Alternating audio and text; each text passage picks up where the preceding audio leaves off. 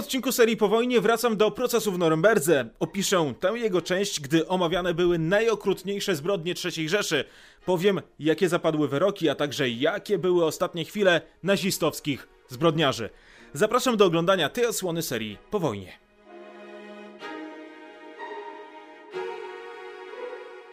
Na ławie oskarżonych znaleźli się najważniejsi niemieccy wojskowi, a wśród nich m.in. feldmarszałek Wilhelm Keitel. Trybunał uznał go za winnego m.in. uczestniczenia w przygotowaniu akcji napaści na Czechosłowację, Polskę oraz kraje Beneluxu. To on zarządził, aby mordować bezbronnych jeńców. W związku z zamachami na niemieckich żołnierzach na wschodzie rozkazał zabijać na jednego niemieckiego żołnierza 100 komunistów. Samoskarżony tłumaczył swoje okrucieństwo faktem, że przy Hitlerze brakowało mu pewności siebie, dlatego w żaden sposób nie potrafił się mu przeciwstawić był całkowicie podporządkowany Führerowi. Feldmarszałek zamierzał w Norymberdze przyznać się do stawianych zarzutów, jednak po tym jak Gering zabronił mu to zrobić, ten ostatecznie zarzucił swoje plany. Brak własnego zdania zaprowadził Keitla wprost na szubienicę.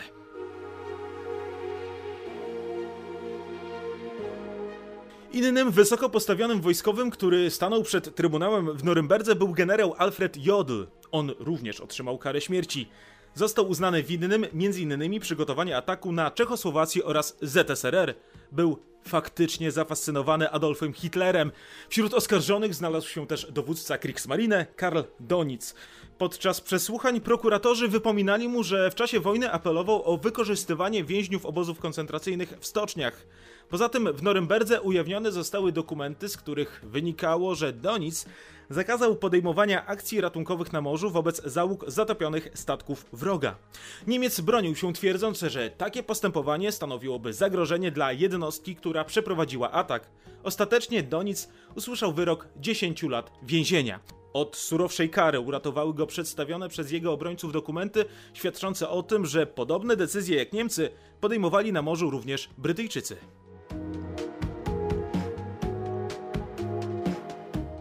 Jedną z najważniejszych postaci III Rzeszy, która odpowiadała przed wymiarem sprawiedliwości w Norymberdze, był Hermann Göring. Przez cały czas uważał, że nie popełnił żadnych zbrodni wojennych. Twierdził, że jedynie służył interesowi Niemiec. W więzieniu schudł ze 150 do 110 kg. Oskarżony było zorganizowanie gestapo i stworzenie pierwszych obozów koncentracyjnych. Był dowódcą Luftwaffe. Wielokrotnie przed Trybunałem Sprawiedliwości przyznawał się do wykorzystywania więźniów do pracy przymusowej. Odegrał decydującą rolę w ograbianiu okupowanych terenów. Dekretem z 1941 roku polecił Himmlerowi i Heinrichowi przygotowanie realizacji ostatecznego rozwiązania kwestii żydowskiej. Tymczasem w Norymberdze zapewniał, że nie wiedział o masowej eksterminacji Żydów. Twierdził, że przez całą wojnę myślał, że Żydzi byli mordowani tylko w wyjątkowych sytuacjach, a większość z nich była po prostu zmuszana do emigracji. Ale Trybunał nie miał dla niego litości. Gering usłyszał wyrok śmierci przez powieszenie. Przed jego wykonaniem popełnił samobójstwo używając cyjanku ukrytego w fajce. Jego zwłoki zostały skremowane i wyrzucone do rzeki.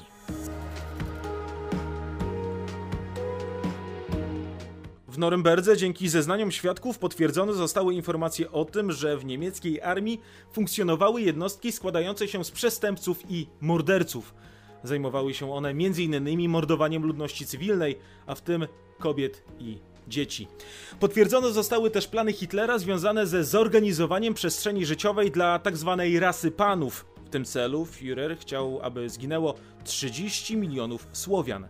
Podczas procesu świat dowiedział się o tym, jak naziści zaplanowali eksterminację milionów ludzi, o początkach ich gazowania w ciężarówkach. W norymberskiej sali sądowej pojawili się świadkowie i nie doszło ofiary. Ich relacje były wstrząsające. Oskarżyciele cytowali wypowiedzi nazistowskich notabli. Wspomniana została m.in. wypowiedź Heinricha Himmlera o tym, że jest mu zupełnie obojętne, co stanie się z Rosjaninem lub Czechem. Interesowało go jedynie to, ilu potrzebuje niewolników dla budowania wielkich Niemiec. Przytoczona została historia eksterminacji ludności wsi Lidce w Czechach. Zginęło wtedy 340 mieszkańców miejscowości. Wśród ofiar było ponad 80 dzieci.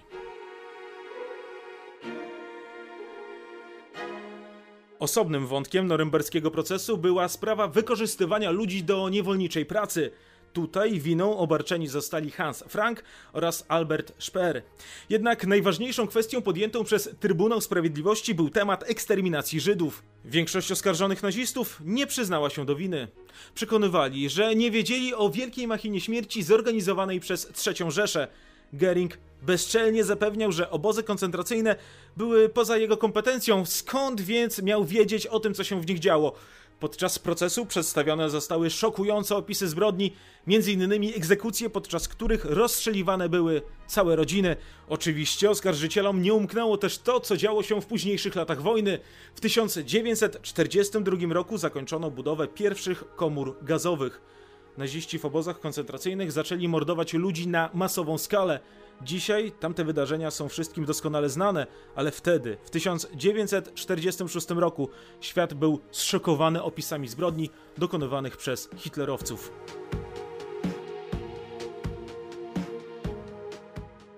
W Norymberdze zeznawał Rudolf Franz Hess, czyli były komendant obozów Auschwitz.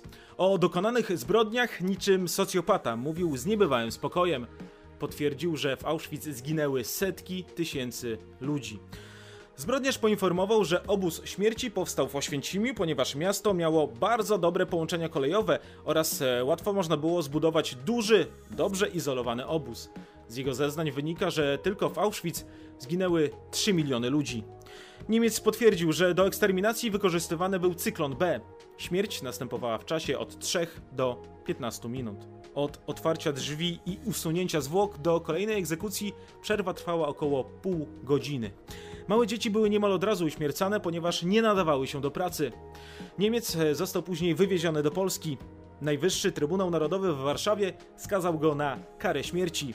Został powieszony na terenie byłego obozu zagłady Auschwitz 16 kwietnia 1947 roku.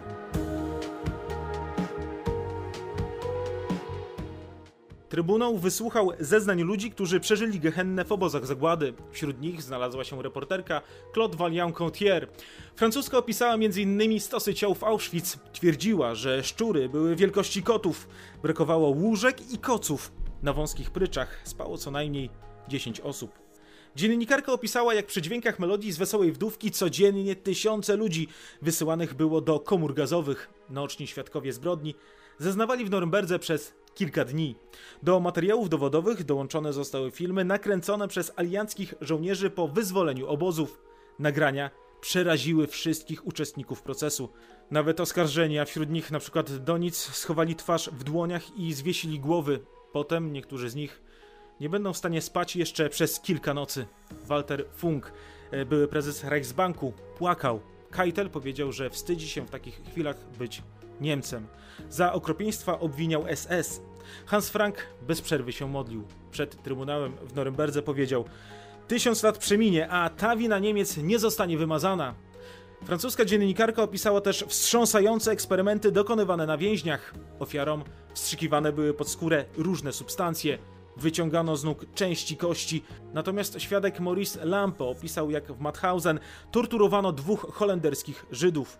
Jednemu usunięto nerkę, drugiemu żołądek. Później wstrzyknięto im w serce benzynę, a następnie odcięto głowy. Proces trwał 218 dni. Protokół z posiedzenia zawierał 4 miliony słów i zajął 16 tysięcy stron. Zeznania złożyło 240 świadków.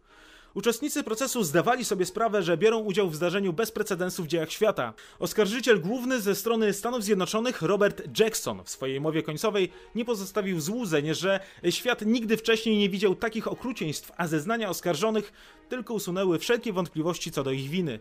Oskarżyciel brytyjski Sir Hartley Shawcross powiedział, że tak oto mordowanie zostało spłycone do produkcji przemysłowej.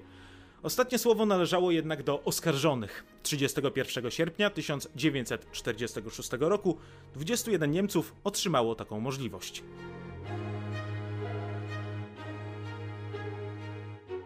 Jako pierwszy do mikrofonu podszedł Gering. Oczywiście potępił zbrodnie, ale jednocześnie zapewnił, że nigdy nikomu nie wydał rozkazu mordowania ludzi.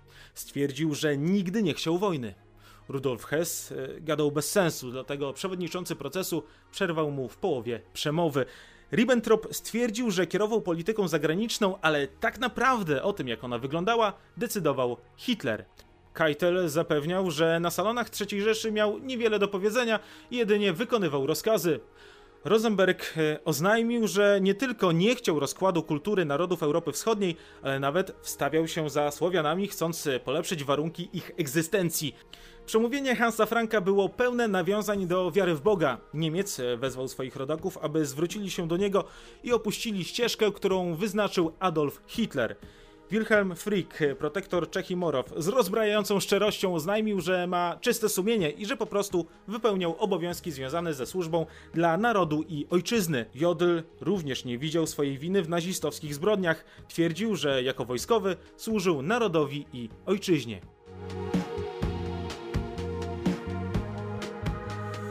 Wyroki w procesie norymberskim sędziowie czterech narodowości opracowali w pełnej izolacji. W ich pokojach wyłączone zostały telefony. Odczytanie wyroku zaplanowane zostało na 30 września 1946 roku.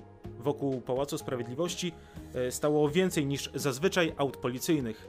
Zaostrzone zostały wszystkie kontrole. Tymczasem uzasadnienie wyroku było na tyle rozbudowane, że przeczytanie go zajęło ponad dobę. 21 oskarżonych usłyszało, jaki czeka ich los. Wyrok przyjmowali bez okazywania zbyt wielu emocji. Gering kara śmierci, Hess dożywocie, Ribbentrop kara śmierci, Keitel kara śmierci, Klettenbrunner kara śmierci, Rosenberg kara śmierci, Frank kara śmierci, Streicher kara śmierci, Saukel kara śmierci, Jodl kara śmierci. Łącznie wyroki śmierci przez powieszenie usłyszało 12 osób. Uniknął jej jedynie Gering, który popełnił samobójstwo.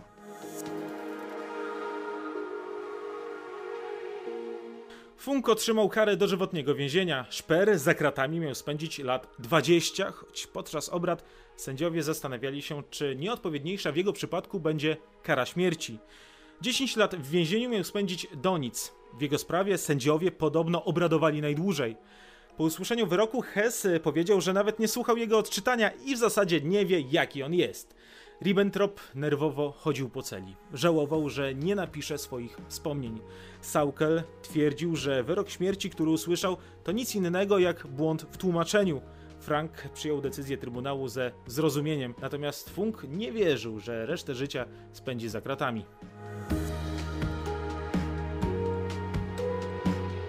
Naziści czekali na śmierć dwa tygodnie. Oskarżeni nie wiedzieli, kiedy zostaną zabici, choć część z nich podejrzewała, że dojdzie do tego 14 października. Ich cele były jasno oświetlone, a wartownicy mieli rozkaz stałej obserwacji. Wszystko po to, aby skazani nie popełnili samobójstwa. Każdy z nich przeżywał ten czas na swój własny sposób. Na przykład Ribbentrop bez przerwy mówił o tym, gdzie przeprowadzona zostanie egzekucja. Odpowiedź otrzymał kilka dni później, gdy do celu zaczął docierać dźwięk pił i młotów dobiegający z sali gimnastycznej. Ribbentrop nie mógł spać. Miał silne bóle głowy. Niektórzy skazańcy pisali listy do bliskich, czytali książki. Strach przed śmiercią sprawił, że prawie wszyscy poprosili o dostarczenie Biblii. Jedynym, który się z tego wyłamał, był Rosenberg. W ramach ostatniego posiłku otrzymali sałatkę ziemniaczaną, kiełbasę, ciemny chleb oraz herbatę. Wieczorem 15 października Gering zapytał swojego lekarza, czy jest sens się rozbierać, aby położyć się spać. W odpowiedzi otrzymał informację, że noc w jego przypadku może być wyjątkowo krótka. Dwie godziny później nazista popełnił samobójstwo, przegryzając kapsułkę z cyjankiem. Dostarczył mu ją ktoś z personelu więzienia.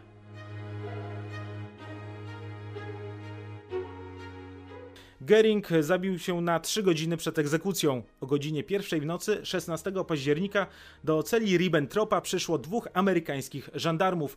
Stamtąd zabrali Niemca do sali gimnastycznej, gdzie czekał na niego stryczek.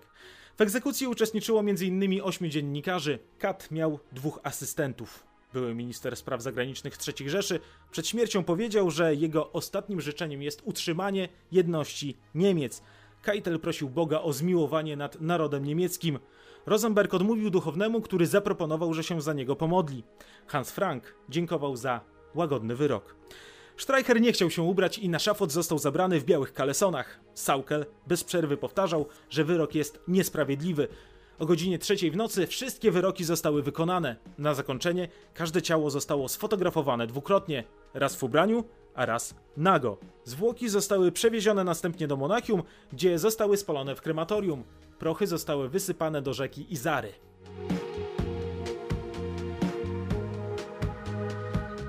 Siedmiu zbrodniarzy trafiło do więzienia. Służbę wartowniczą przekazywali sobie co miesiąc Amerykanie, Brytyjczycy, Francuzi oraz Rosjanie. Zakład karny, który mógł pomieścić 600 więźniów, przez wiele lat zarezerwowany był dla niewielkiej grupy skazańców. W zasadzie od 1966 roku do 1987 w twierdzy przebywał tylko jeden osadzony Rudolf Hess. Roczne utrzymanie więźnia kosztowało milion marek. Po ponad 40 latach za kratami Hess powiesił się w swojej celi. Oficjalnie było to samobójstwo, ale w związku z jego śmiercią pojawiły się też domysły, że mogły mu w tym pomóc brytyjskie służby specjalne. To jednak temat na inny odcinek serii po wojnie. Ja tymczasem dziękuję za uwagę, zachęcam do subskrybowania kanału i do usłyszenia.